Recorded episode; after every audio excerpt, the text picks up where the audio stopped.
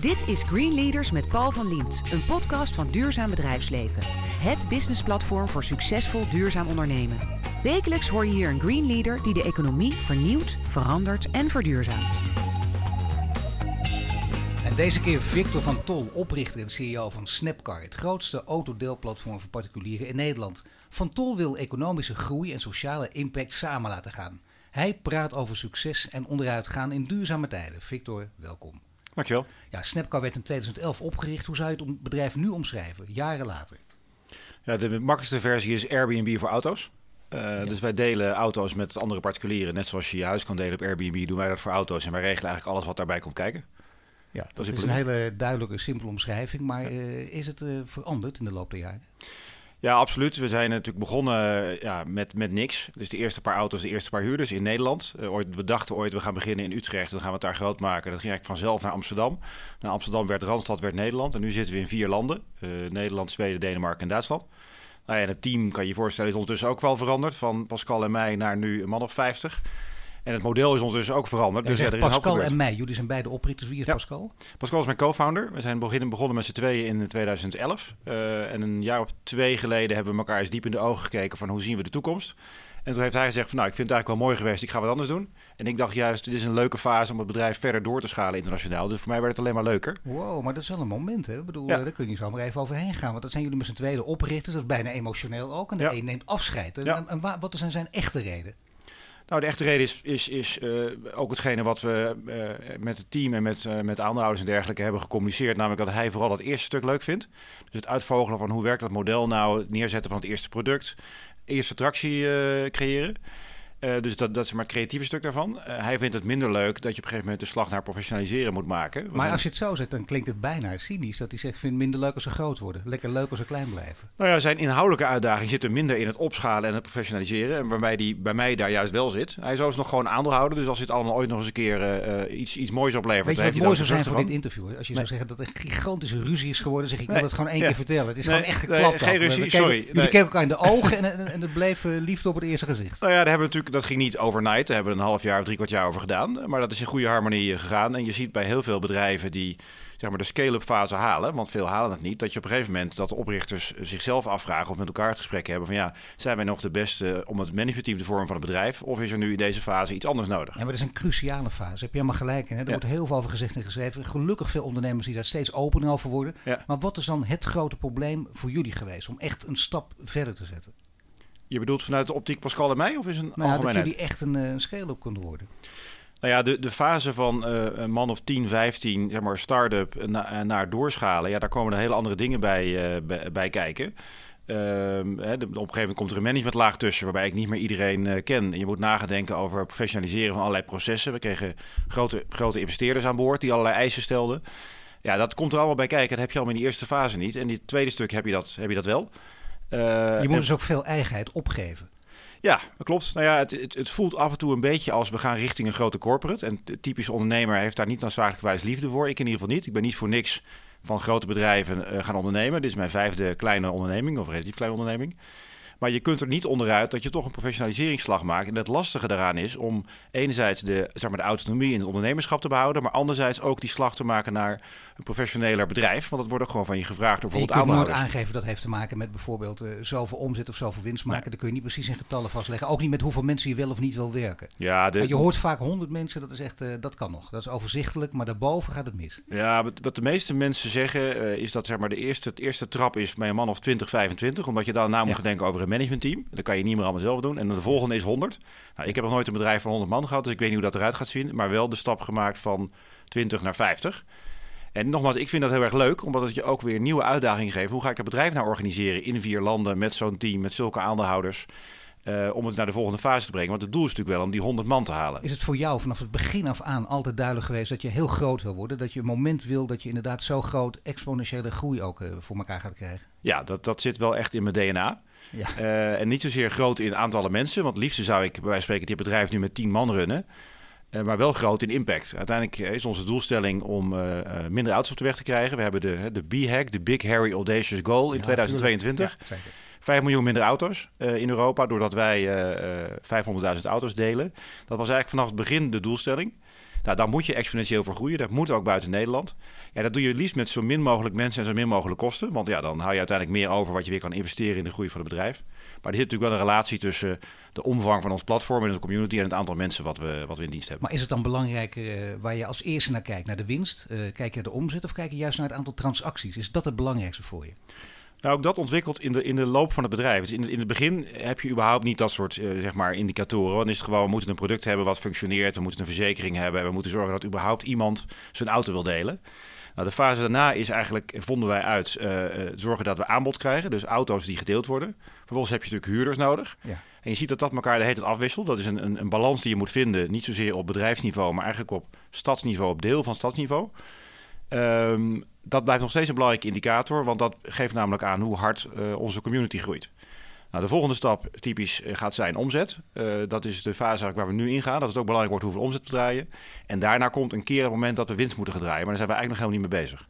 Het gaat er vooral nu om community heel hard groeien. Zorgen dat mensen steeds actiever worden. Dus ouders en uh, auto-eigenaren en huurders steeds meer de dienst gaan gebruiken. En natuurlijk onze omzet in de gaten houden. Wat je niet wil is dat je steeds harder groeit en de omzet per auto ondertussen terugloopt. Want ja, dat kan je lastig uitlagen aan investeerders en aan onszelf. Zeker. En op een gegeven moment kun je tegen de investeerders zeggen: zwarte cijfers komen eraan. Ja, en, dat kun je niet, en dan kun je niet ophouden bij het komt wel goed, want dat pikken investeerders niet. Het aandeelhouders helemaal niet. Die willen iets concretere toezeggingen. Hoe doe je dat dan? Nou, wat je, wat je, de fase waar we nu in zitten is dat we op, op uh, maar de Amsterdam Randstadniveau maken we winst. Dus draai, draagt, uh, zeg maar de, dragen we meer omzet bij dan de daadwerkelijke kosten voor die regio. Dus als we alleen dat zouden hebben, dan zouden we een winstgevend bedrijf kunnen zijn. Maar wacht even, het is wel belangrijk om te weten hoe dat gegaan is. Hè? Waarom is dat gelukt in Amsterdam en omgeving? Nou ja, dat is een bepaalde groei natuurlijk die we hebben doorgemaakt. Om, om te komen tot waar we nu zitten in aantallen auto's en in, en in members. Ja, bedoel, je een groei maak je door, maar dat gaat niet vanzelf natuurlijk. Nee, dat klopt. Dat is, uh, dus uh, ja, tenminste, ik neem niet dat Gods zegen eroverheen gegaan is dat vanzelf is gelopen. Nee, dat is zeker niet vanzelf gegaan. Want dat, wat veel mensen natuurlijk van afstand, uh, als ze naar ons bedrijf kijken, ik noem het ook altijd heel simpel, Airbnb voor auto's. En denkt iedereen, nou je zet een website neer, zet er wat auto's op, wat huurders, je regelt nog even een verzekering. Iedereen kan het. Zet je Google aan en dan hobbelt het verder wel. Goed idee, maar ik kan het ook doen dus. Maar nee, de, de nee. praktijk is, het is nee. gewoon een heel lastig wisselmodel. Althans, ik ken je ondernemersvaardigheden bepaald, dus ik, no ik nodig je uit om dat te doen. maar het is in ieder geval ingewikkelder dan het lijkt. Ja. Um, dus sowieso de hele, zeg maar, de hele opzet van de service is ingewikkelder. Want het is niet alleen maar een website, maar er komt ook verzekering bij. Je moet zorgen dat als er bekeuringen zijn, dat het geregeld wordt. Betaling. Uh, je moet zorgen dat je huurders heel goed checkt. Want je wilt natuurlijk dat mensen betrouwbaar zijn. Dus er komt heel veel bij kijken. En dan heb je eigenlijk alleen nog maar de basis. Vervolgens moet je zorgen dat mensen ons weten te vinden. Want we hebben natuurlijk niet de naamsbekendheid van een groot bedrijf. Nou, voor een deel gaat dat door organisch. Dus mensen vertellen elkaar het verhaal. Uh, en voor een deel moeten we dat doen door marketing. En dat kost gewoon even om een bepaalde schaalgrootte te hebben. Omdat we dat de, ja, het probleem of de uitdaging, als je het positief formuleert, hebben van je hebt auto's nodig en huurders. Maar wat heb je tegen de aandeelhouders gezegd van uh, geef ons tien jaar? Nou, het, het, grappige is ook dat aandeelhouders ontwikkelen zich ook over de tijd. Ze zijn natuurlijk ooit zelf begonnen. Pascal en ik hebben onze spaarpot omgekeerd. Vervolgens hebben we uh, uh, twee succesvolle crowdfunding campagnes gedaan. Daarna hebben we onze eerste aandeelhouder Autopink, een Nederlands mobiliteitsbedrijf, binnengehaald. Ondertussen hebben we ook Europcar, het, het autoverhuurbedrijf, als aandeelhouder. Dus in elke fase van het bedrijf krijg je ook een ander type aandeelhouders. Europcar? Europcar is Frans, maar het is eigenlijk een internationaal bedrijf, maar zitten in Parijs. En, en die groei moet, hè, voor de duidelijkheid voor mensen die dat niet weten. Maar echt, als je echt groot wil groeien, overnames, ja. dat ja. je kunt niet zonder. Nou ja, het kan wel. We hadden ook kunnen zeggen, op een moment in de ontwikkeling van het bedrijf, we gaan gewoon consolideren in Nederland. Dus we blijven hier. Dan hebben we geen 50 man nodig, maar 10 man. Dan gaan we op een gegeven moment winst maken en dat is het dan. Alleen, ja, dat is voor, voor mij niet de reden dat ik uh, elke ochtend mijn bed uitkom en de werkweken draai die ik draai. Want ik wil namelijk die B-hack in 2022 halen. En dat kan niet in Nederland. Dat, daar is het land gewoon niet groot genoeg voor. En dan gaat het model te langzaam voor. Door, hè, door die uitdaging van auto's en, en huurders die je nodig hebt. Dus je moet buiten Nederland. Uh, nou ja, dat betekent vervolgens dat je investeringen moet doen, want ja, we draaien nog geen winst. Dat betekent dus dat je steeds aandeelhouders binnen moet halen, of de huidige aandeelhouders moeten bijfinancieren. En je zegt steeds, je zit in vier landen, dat klopt ja. ook. Je zit in Nederland, in Duitsland, in Zweden en, in Denemarken. Denemarken. Ja, klopt. ik zou bijna zeggen de voor de hand liggende hand, landen, dat landen die enigszins op Nederland lijken, of niet? Ja, de, hoe, dat, hoe dat ontstaan is, is, is, is een beetje strategie en een beetje mazzel. Want zo gaan die ja. dingen in ieder geval in mijn uh, ondernemersbestaan. Uh, we zijn eigenlijk heel, heel vroeg zijn we al naar Duitsland gegaan. Als ik me goed herinner in 2013. Dat was eigenlijk veel te vroeg, want we hadden het product nog niet helemaal af. Maar we dachten in onze oneindige ambitie, we willen naar die B-hack. Dus Duitsland lekker groot, let's go. We hadden nog geen, geen grote aandeelhouders, dus dat was eigenlijk een, een, een setup voor failure. Dat is dus ook misgegaan. Dus een jaar daarna hebben we Duitsland weer uitgezet. Dus toen hebben we op een gegeven moment gedacht, ja, we willen wel internationaal, we moeten internationaal. Laten we nou een klein land nemen, wat inderdaad een beetje lijkt op Nederland, waarvan we ook weten dat dat qua autodeelmentaliteit lijkt op Nederland. Daar gaan kijken of het lukt. En bij voorkeur door een overname, zodat we niet vanaf nul moeten beginnen. Nou, dat hebben we toen in Denemarken gedaan. Hebben we een klein bedrijf overgenomen. Daarna in Zweden. Daar hebben we eigenlijk twee jaar over gedaan. Dus dat is best lang om uit te vogelen. Hoe werkt dat nou? Het internationaal uit te rollen van maar überhaupt een bedrijf. In dit geval specifiek een autodeelbedrijf. En wat is er nou anders in Zweden en Denemarken dan in Nederland? En toen we dat hadden gedaan en dat onder controle hadden, hebben we een overname in Duitsland gedaan. En dat zijn we nu aan het opschalen. En het mooie van Duitsland is natuurlijk dat het acht grootstedelijke gebieden à la de Randstad heeft. Versus één, want Nederland heeft er maar één. En ja, Denemarken is de facto Kopenhagen. Ja, want die gebieden moeten aan een aantal factoren voldoen. Dat is heel erg belangrijk. Hè? Dat hebben jullie allemaal uitgezocht. En denk je, sommige gebieden vallen dus ook af. Wat, wat zijn de belangrijkste redenen, factoren om in te gaan investeren? Nou ja, het begint met moet een bepaalde omvang hebben. Dus uh, Lutjebroek is nou niet direct uh, de regio waar we ons op zouden richten. Dus het moet zeg maar 250.000 minimaal, maar eigenlijk meer dan 500.000 inwoners hebben. Nou, dan heb je al één ding te pakken. Dan heb je er iets van 40 regio's in Europa over. Nou, vervolgens moet het, moet het een bepaalde uh, density hebben. Dus het moet dicht bij elkaar zitten, want dan werkt ons model goed. En je moet niet te veel auto's hebben en niet te weinig. Als er te veel zijn, dan heb je geen huurders. En als je er te weinig hebt, heb je niks te verhuren. Dus daar moet een bepaalde verhouding in zitten. En de voorwaarden voor autodelen moeten, uh, moeten goed zijn. Dat bijvoorbeeld mensen moeten uh, willen delen. Nou, dan kun je bijvoorbeeld kijken naar hoe groot is de Airbnb-penetratie in zo'n gebied.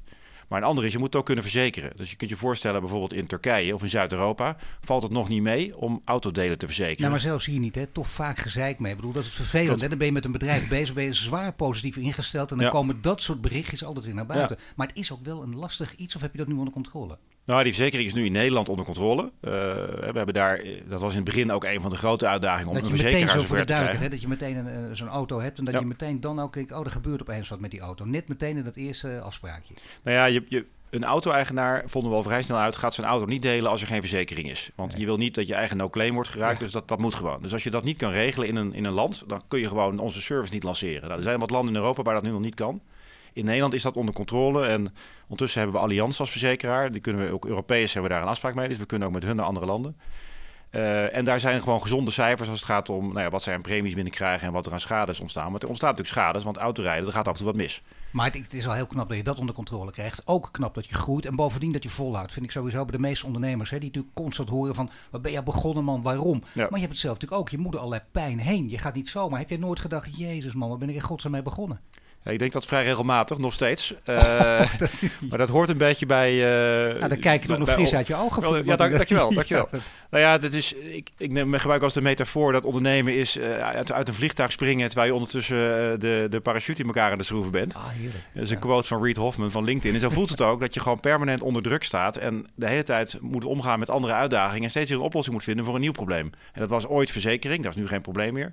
En nu is het probleem bijvoorbeeld, ja, hoe vind je de juiste mensen? Of hoe vind je de juiste investeerders? Of hoe zorg je ervoor dat je omgaat met nieuwe Maar concurrentie? je ligt af en toe in je bed echt naar het plafond te turen en te denken van, waar ben ik aan begonnen? Ik had het gewoon niet moeten doen. Nou, ik slaap redelijk goed. Dat is het eh, goede nieuws. Ik lig er niet wakker van. Maar er zijn natuurlijk wel dagen dat je denkt van... nou, het zou wel fijn zijn als het ietsjes makkelijker zou gaan. Iets meer vanzelf. Maar het zit wel in mijn DNA dat ik dan een dag last van heb... en de volgende dag denk ik, nou gaan we het probleem tackelen. ja, maar je hebt hiervoor vijf bedrijven gehad. En, Ja. en, en met deze ben je volgens mij het langste bezig. Ja, klopt. Ja. Hoe komt het dat, dat dit echt, eh, dat, dat je hier de grootste kans in ziet?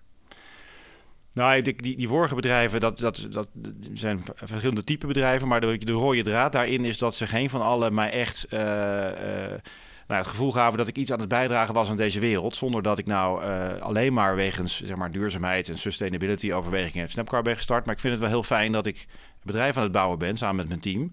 Want enerzijds eh, gewoon een mooi bedrijf is en een cool concept. Wat uiteindelijk hopelijk ook eens een keer iets op gaat leveren. Want hè, we maken nog geen winst, maar dat gaat een keer gebeuren. Maar anderzijds, en die dingen gaan echt hand in hand, dragen we bij in sociale zin, in duurzaamheidszin. En dat gold voor mijn vorige bedrijven niet. Dat geldt hier wel. Ja, en het andere is, het gaat ook gewoon goed. Dus ja, waarom zou je ermee stoppen als het goed gaat? Ik wil gewoon doorgroeien richting die 2022. Je hoort Victor van Tol van Snapcar. En zometeen praten we verder over zijn werkwijze als CEO en hoe de ontdekking van een tumor die werkwijze beïnvloedde.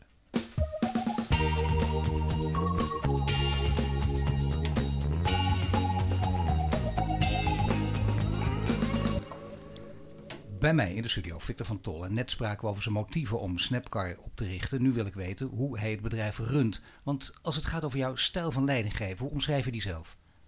Op basis van wat je om je heen hoort ook Ja. natuurlijk. Nou, dat, is een, dat ligt een beetje aan de, de dag. Je hebt goede en slechte dagen. Maar laten we zeggen, op een, op een goede dag eh, probeer ik wel... eh, het is een beetje, een, beetje een, een, een, een eh, overladen term, maar een soort dienend leiderschap te doen. Uh, ik probeer niet als een soort dictator bovenop de bok te zitten en iedereen te vertellen wat ze moeten, wat zit ze moeten wel doen. in je karakter om dat normaal gesproken wel te doen of niet? Ja, dat zit zeker in mijn, in mijn DNA. Oh, dat maar, dacht ik al een beetje. Ja, je bent niet, niet die, die, die zegt van, uh, van jongens van een hele lieve jongen die, die heel meegaand is. Nee, ik weet redelijk Zo goed moet wat het ik, en die kant op. Ik, Ik weet redelijk goed wat ik wil. Uh, maar ik heb ook wel uitgevonden in de afgelopen, ja, met name twee, drie jaar, dat dat niet, op een gegeven moment niet meer werkt. En dat werkt om twee redenen niet. Ten eerste is het bedrijf te groot. Met 50 man om iedereen in detail te gaan vertellen wat ze moeten doen. Uh, ten tweede weet ik het ook gewoon in veel gevallen niet meer. Ik heb niet de kennis die marketeers hebben op marketingvlak of onze customer support mensen op supportvlak. En misschien het derde is dat ja, de mensen die ik nu aan het binden ben in het managementteam, die pikken dat ook gewoon niet. Die komen niet uh, bij ons werken. Uh, om vervolgens te worden gemicromanaged. Die willen hun eigen domein hebben en daar binnen redelijke grenzen in kunnen besluiten wat ze, wat ze doen. Ja, zo'n leider die volledig is, daar worden mensen soms helemaal gek van. Ja. Maar het is, als het in je karakter zit, is het heel moeilijk om dat terug te dringen. Ja. Heb, je, heb je het zelf gewoon gedaan? Heb je een coach in handen genomen? Hoe ging dat dan? Ja, we hebben een coach in het managementteam die, die regelmatig met ons om tafel zit en kijkt naar ja, hoe wij samenwerken en wie daar welke rol en stijl in heeft. Maar en mag daar ik even gokken? Je bent, je bent een soort control freak, maar iemand heeft er iets uit geweten te halen. Nou ja, op, op, eh, mensen hebben aangegeven, mijn collega's in het managementteam, maar ook die coach heeft aangegeven dat we allemaal onze kracht hebben. En dat eh, mijn kracht zit in duidelijk de richting aangeven. Maar dat betekent niet dat ik op alle dossiers op microniveau het allemaal moet gaan lopen uitvogelen. Ehm, Nou, dus het is voor mij ook leerzaam om dit te horen. Voor ons allemaal als we dit horen. Eh, Zeker als je in zo'n positie zit. Want hoe, hoe ging dat dan? Ik bedoel, eh, want ja, iemand kan het tegen je zeggen. En je Ja. kunt het ook rationeel aanvaarden. Maar vervolgens moet je het ook maar waar kunnen maken. En je Ja. emotie kan je in de weg zitten natuurlijk. En je brein ook. Ja. Ja, een van de dingen is dat ik op een gegeven moment merkte dat ik eh, mijn, mijn energie begon te verliezen en mijn plezier begon te verliezen in eh, zeg maar wat ik aan het doen was. En dat ik, eh nou ja, wij spreken 80% van de tijd bezig wa- was met allerlei operationele dingen die op zich nuttig waren, alleen die ik eigenlijk niet zou moeten doen. Nou, het effect daarvan was dat de dingen die ik wel zou moeten doen, strategie, financiering, leadership team, dat soort dingen, dat ik daar onvoldoende aan toe kwam. En ja, derhalve dat ik daar ook niet de energie uit haalde die ik eruit wilde halen. Nou, daar kwam, je noemde net al even het, eh, even het tumor-incident noemen van, eh, van anderhalf jaar geleden overheen. nou, het tumorincident. Tumorincident? Ah, even, even een tumortje kan voorbij. En, eh, ja. Dat was een dingetje, daar gaan we het zo nog wel even over hebben, denk ik. Ja. En toen ben ik er even uit geweest. Dat was een soort reset dat ik bij mezelf heb gedacht van ja, als ik op deze weg doorga, ja, daar, daar word ik gewoon niet vrolijk van. En uiteindelijk hou je het dan ook niet vol. Want het is prima mogelijk om met al die uitdagingen als ondernemer om te gaan. Maar je energiebalans moet wel positief zijn. Anders dan, ja, sooner or later val je een keer echt om. Zeker. Nou ja, bij jou is dat gebeurd. En je bent omgevallen. Dat, Ja. dat mag je zo zeggen. Een paar Ja. jaar geleden. En, en hoe kwam dat? Voelde je langzamerhand ook de energie wegvoelen? Kreeg je allerlei aanwijzingen in je lichaam dat je dacht, ik moet me gaan onderzoeken? Nee, totaal niet. Eh, de, ik heb zo'n. of de aanleiding was eigenlijk een, een, een goede vriend van mij die eh, had uitgezaaide darmkanker. En die zei tegen mij dat, ze dat, dat hij dat al zeven jaar had. En als ze dat iets eerder hadden uitgevonden, hadden ze dat gewoon kunnen opereren en was het opgelost geweest. En nu was het, was het uitgezaaid en ondertussen is hij helaas ook overleden. En dat was voor mij de aanleiding om te denken van ja, misschien heb ik ook wel iets. Ik dacht, nou, ik ga zo'n pre-scan laten doen in, in Duitsland. Met natuurlijk de verwachting, ja, daar komt natuurlijk niks uit. Alleen, ja, er kwam dus wel wat uit. Namelijk een, een tumor tussen mijn longen, te grootte van een appel. En die moest eruit. En je Eh, voelde niets. Je nee. echt niet. Dit vind- is echt gewoon bijna eng, hè? Nou ja, je, dit, eh, er zitten geen zenuwen daar, zonder, nou, ik ben geen arts, maar er zitten geen zenuwen daar. Dus je kan het ook niet voelen, totdat het ding zo groot wordt dat hij tegen je hart drukt of, eh, of je luchtpijp.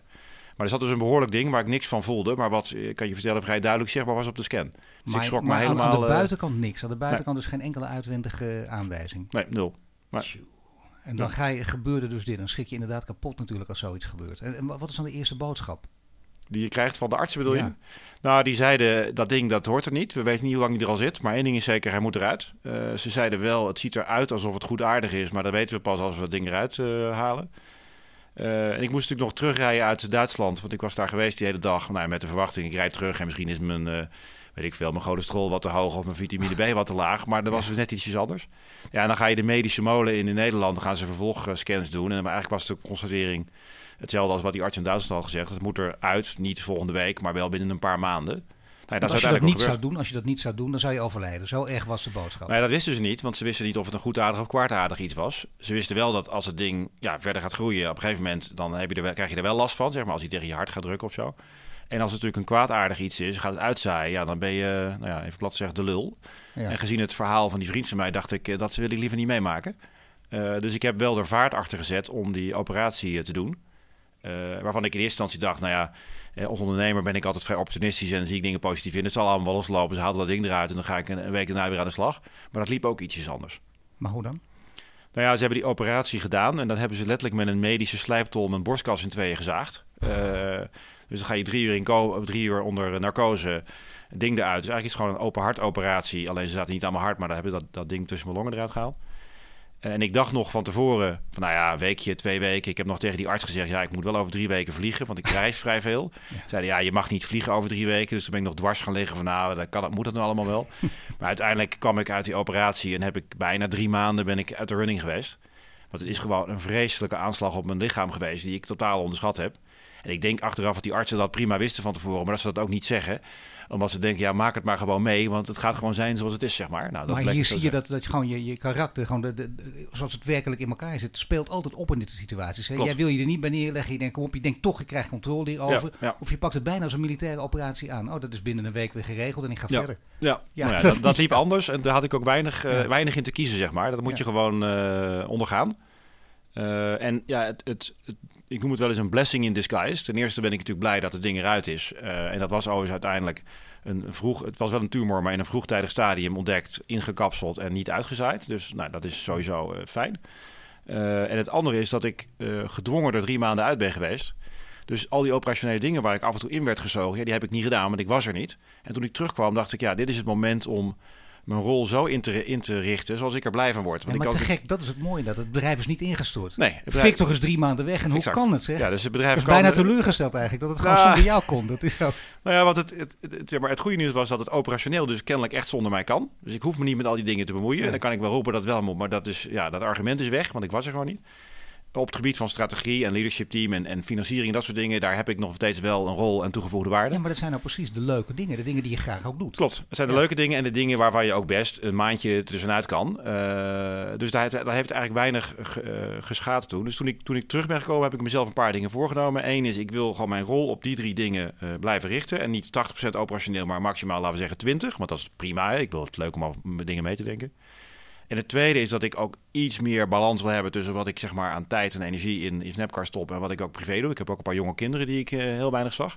Nou, op het moment dat je wakker wordt uit zo'n narcose en je kinderen in je ogen kijkt, ja, dat, dat doet toch iets met je op een of andere manier. Dus ik heb daar eigenlijk wel een goede, goede balans in gevonden. Je hebt ook eh, een, een vrouw die nog steeds bij je is. Ik heb ook nog steeds een vrouw die Goede bij relatie met ja. haar, nou, omdat je er zelf Ja. niet over begint. Nee, Eh, dat, eh, ja, die vrouw die ze ik- luistert mee. Hè? Dus, Nou ja, ik heb een topvrouw, Jolanda. eh, die oh, kijk- goed, ze meteen goed gemaakt. Die zie ik s'avonds uh, s'avonds nog wel eens. Maar die kinderen gaan natuurlijk gewoon op tijd naar bed. En zeker in combinatie met veel reizen, wat ik nog steeds doe, is het wel belangrijk om dat niet volledig te missen, zeg maar, voordat die kids 12 zijn.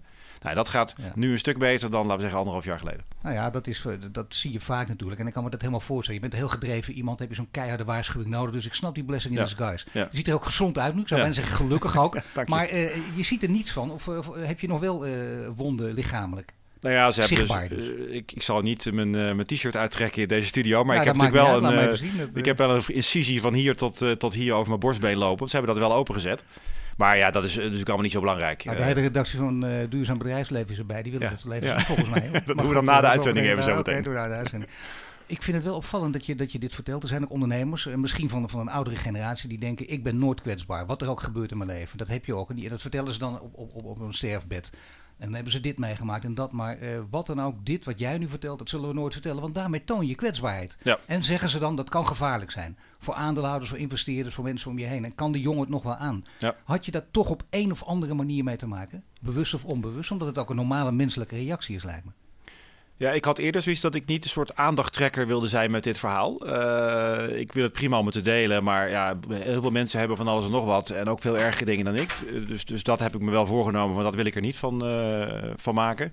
Maar ik ben wel meteen open geweest naar mijn team en naar mijn aandeelhouders. Want ja, voor mij werkt het niet om dat onder het tapijt te schoffelen. Praktisch werkt het niet, want ik ben natuurlijk een tijdje uit geweest. En ten tweede denk ik dat het ook goed is dat mensen begrijpen ja, waar ik doorheen ga als mens. Want toen ik terugkwam heb ik een aantal dingen anders gedaan. Ja, als ik bij wijze van spreken daar nul context aan geef, dat lijkt me ook niet, eh, niet, niet zo handig. En ik hoop Nee, maar je, dat hebt, je hebt toch geen, geen adviseurs om je heen die zeggen... nou Victor, let op. Dan zullen ze Nee. bijvoorbeeld in de media of in je bedrijf zelf... vertel dat nou maar niet, want dat is niet goed. Dan gaan Nee. mensen aan je twijfelen. Dat is niet gebeurd. Nee, dat, en dat, ik, ja, heel eerlijk gezegd, ik ben ook vrij eigenwijs, dus trek ik wel mijn eigen lijn in. Als mensen dat wel zouden zeggen, ja, jammer dan. Eh, ik vind het in, het in het belangrijk en fijn om te delen. En ik hoop natuurlijk dat er wellicht ook mensen aan je denken van, ja, misschien is het wel verstandig om ook zo'n scan te laten doen. Ik, ja, eh, bij mij heeft het dus geleid tot iets, uiteindelijk iets positiefs. Maar tot iets positiefs ook lichamelijk. Lichamelijk? Ik bedoel, je bent er niet, uh, je, er komt niet iets terug. Het is echt ook weg en je bent helemaal genezen, hebben nou ja, gezegd. Hoe dat werkt is dat je elk jaar nog een scan moet doen, tien jaar lang. Dus ik heb nu één scan gehad, die was goed. Ergens over een maandje heb ik weer een scan, dus ik denk dat dat dan een dag van tevoren weer even spannend is. Ja, you never know. Maar in principe is het gewoon opgelost. Uh, hoofdstuk afgesloten en, en verder. Maar leefde je al heel gezond of ben je ook gezonder gaan leven? Omdat het, het, is topsport, hè? Het, is, het klinkt als cliché, maar dat mag gezegd omdat het zo is, denk ik. En dan, dan moet je overal op letten. Ben je nog gezonder gaan leven of niet? Ja, ik leefde al eigenlijk behoorlijk gezond. Dus vandaar ook dat ik niet de uh, relatie zie tussen uh, nou ja, mijn, mijn werkritme of, of hoe ik leef en sport met die tumor. Dat is gewoon dikke pech, zeg maar. Uh, maar nog steeds sport ik wel bijna ja, vijf, zes dagen in de week. want ik heb namelijk uitgevonden, ook ongeveer twee jaar geleden, dat dat de manier is voor mij in ieder geval om om te gaan met toch behoorlijke hoeveelheid werkdruk die er op me staat. Dus ik probeer elke dag sporten, hardlopen, gym. Uh, en als het echt niet werkt, doe ik zo'n 7-minute workout. Duurt maar 7 minuten, maar dat kun je altijd ergens op een dag doen. Ja. Dus dat hou ik er wel in. Een beetje gezond leven, uh, oh, dat doe ik ook. Uh, maar dit inzicht probeer je dat ook over te brengen op, op de mensen die voor je werken? Ja. Dat je, en, en, gaat het dan, moet het een beetje dwangmatig of kun je dat spelende wijze aanleren? Nou ja, er zijn natuurlijk mensen die van nature bijvoorbeeld leuker vinden om te sporten dan, dan anderen. Maar ik probeer wel bijvoorbeeld met, met events die we met het team doen, er altijd iets sportiefs in te doen. Uh, dus ja, we zouden natuurlijk met het managementteam uh, altijd alleen maar bier kunnen gaan drinken. Maar we kunnen ook af en toe uh, een, aan een hardloopwedstrijd meedoen of, of een workout doen. Dat hebben we ook gedaan. En dat vinden sommigen minder leuk dan anderen. Maar ik vind het wel belangrijk om dat erin te brengen. Omdat ik echt geloof dat de combinatie van ja, fysiek en mentaal, ja, dat, is, dat is één. dus je kan je lichaam niet als een machine zien die gewoon maar mee moet hobbelen.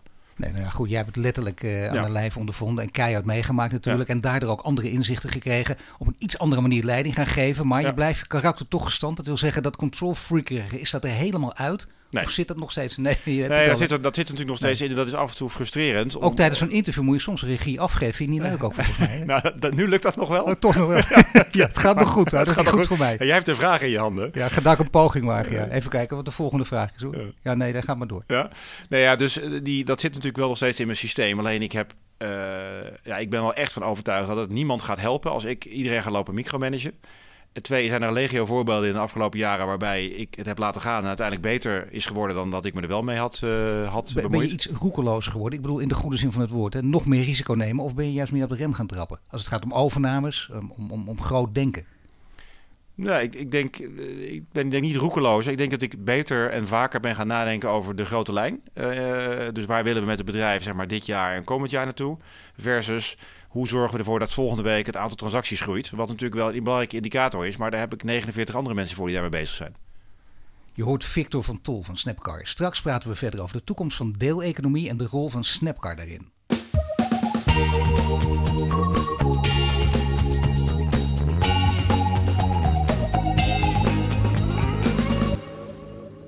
Bij mij in de studio, Victor van Tol. Net spraken we over de manier waarop je Snapcar runt. Nu praten we verder over de toekomst van het bedrijf. Ja, autodelen kun je ook zeggen. En dat zeggen mensen ook wel eens. Ja, dat is gewoon voor mensen in crisistijd. Dan vinden ze leuk en eh, ze moeten wel, want uh, ze hebben geen geld meer. Ja. Wat zeg je tegen die mensen? Nou, toen wij begonnen met, met Snapcar, dat is 2011, dus ondertussen acht jaar geleden, verklaarde iedereen uh, mij natuurlijk voor gek. Want ja, niemand gaat zijn auto delen. En als je dat al doet, ja, dan zijn dat mensen die aan lage wal zijn geraakt, geen auto kunnen betalen, et cetera. Daar nou, ben je niet bij, hoor je ook. Nou ja, op zich is dat, zou dat ook helemaal niet erg zijn als, uh, als we daarmee mensen aan mobiliteit kunnen helpen. Of mensen de mogelijkheid geven om een auto te kunnen rijden. En voor een deel is dat ook zo. Alleen wat je ondertussen ziet, we zijn, ondertussen hebben we 600.000 eh, deelnemers en 60.000 auto's. Ja, je kan mij niet vertellen dat het allemaal mensen zijn die eigenlijk geen auto kunnen veroorloven. Of aan de huurderkant, hè, hetzelfde logica. Dus je ziet eigenlijk dat het type mens wat onze service gebruikt, ook in, along the way over de afgelopen acht jaar verschoven is. In het begin waren dat vooral mensen die het deden, omdat ze het ofwel gewoon innovatief leuk vinden, een nieuw concept. Ofwel vanuit duurzaamheidsoverwegingen.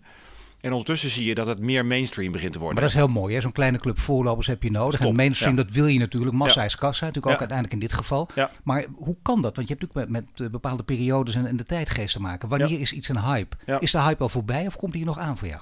Nou, ik denk dat de, de, de, echte hype rond autodelen wel voorbij is, of in ieder geval op zijn einde loopt. Eh, dat het alleen maar is van wat een cool concept en daardoor moet je het doen. Ik denk dat mensen steeds meer beginnen in te zien, gewoon fundamenteler, dat uh, nog meer auto's op de weg duwen gewoon niet werkt. Uiteindelijk, ja, die planeet is vol zat. Er zijn een heleboel dingen op die we weinig gebruiken. Daar is auto's een belangrijke van. Dus ik denk dat steeds meer mensen beginnen in te zien dat ja, als je een auto hebt, dat dat nergens op slaat als je dat ding nou, maar een uur per dag moet je even onderbreken. Want kijk, nu klink je als de duurzaamheidsapostel die je nu ook bent. Hè? Dat is verder, verder zonder, zonder discussie of zonder grap. Maar zo ben je dus niet begonnen.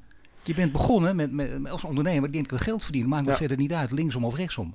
Nou, dat zijn jouw woorden. Dat is bij mij betreft iets te kort de bocht. Eh, we Nou zijn nou begonnen. kom op, we zijn begonnen met. Jij bent een genuanceerde man natuurlijk. Ga je gang natuurlijk. nee, ik weet het, ja zeker. Nee, ja, we zijn begonnen met het concept omdat we dachten we willen een, een bedrijf bouwen wat uiteindelijk eh, grote schaal kan hebben en aandeelhouderswaarde kan opleveren. En daar willen we een keer iets uithalen, maar ook iets bijdraagt aan deze wereld. Eh, toen we begonnen hadden we nog niet het idee dat dat en sociaal en duurzaam zou zijn op de schaal die we ondertussen doen. Dus dat is, absoluut gegroeid gedurende de ontwikkeling van het bedrijf. Daar heb je helemaal, helemaal gelijk in. Maar ik geloof nog steeds dat die twee dingen hand in hand gaan.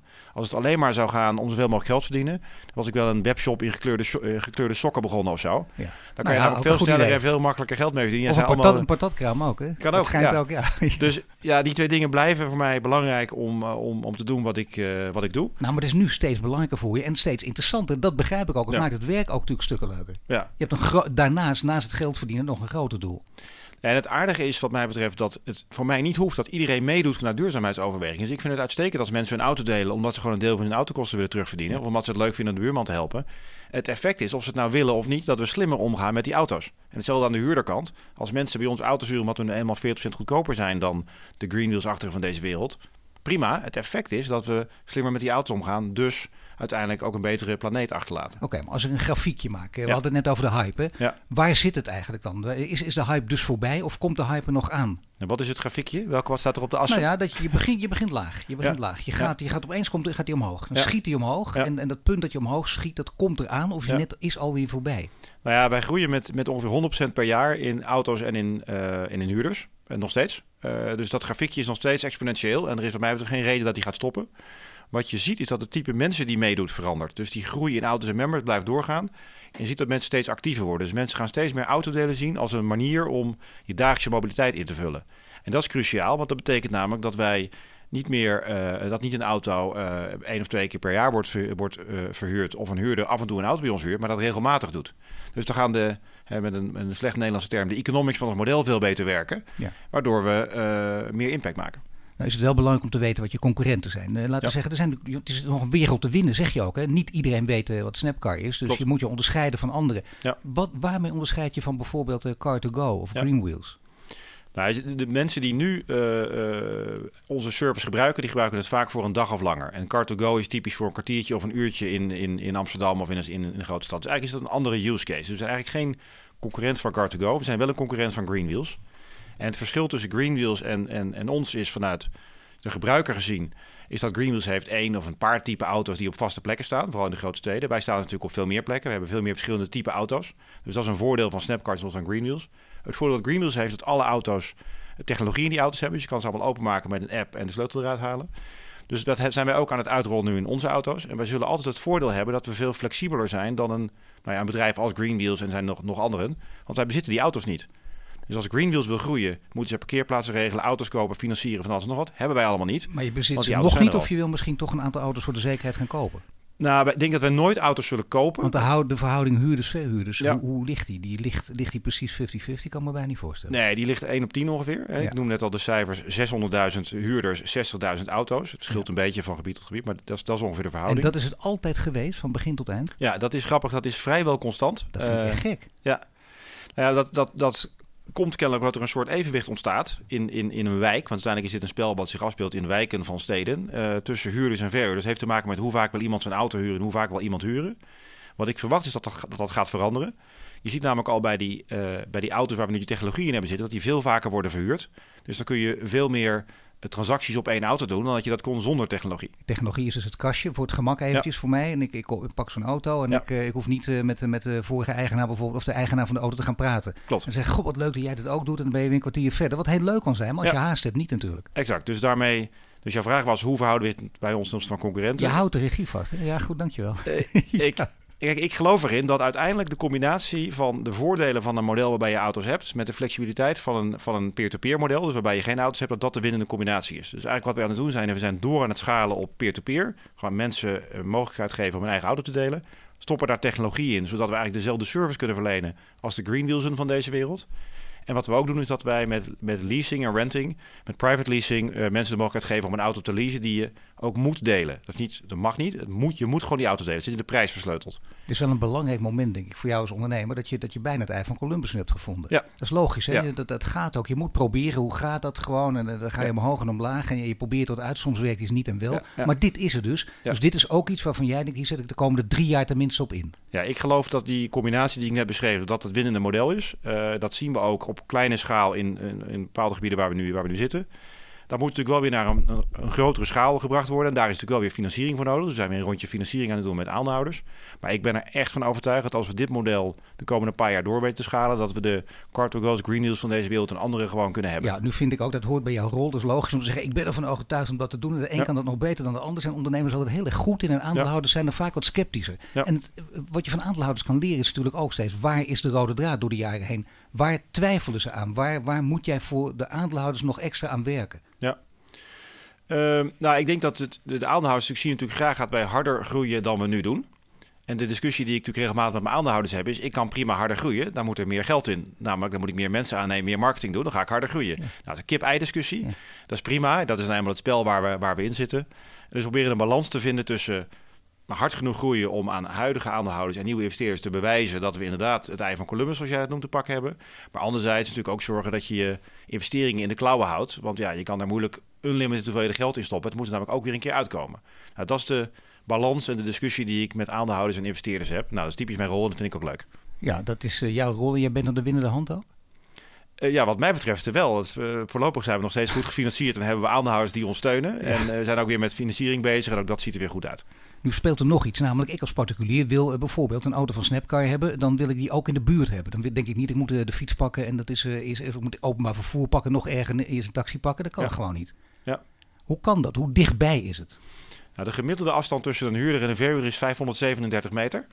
Uh, dit verzin ik niet ter plekke, maar daar, daar kijken we echt naar. Het is namelijk belangrijk omdat we weten dat mensen... Staat er niet op een blaadje, het is uit je hoofd, dus het, is, het is waar. Ja, ja. ik heb mijn, mijn, mijn eigen cijfers natuurlijk, uh, ja. natuurlijk uit mijn hoofd. Ja. Nee, dus wat je ziet is dat mensen die uh, voor een korte periode een auto willen huren... die willen er eigenlijk naartoe kunnen lopen of maximaal fietsen.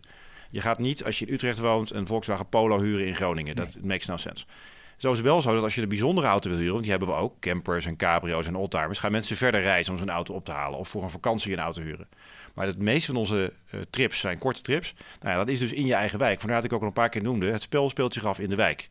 Dus we kunnen ook niet zeggen, we zitten in vier landen, dan gaan we op vier landen optimaliseren auto's en huurders. Maar we moeten dat doen in de pijp. Ja. Of in Witte Vrouwen in Utrecht. Nou ja, zo, zo werkt het.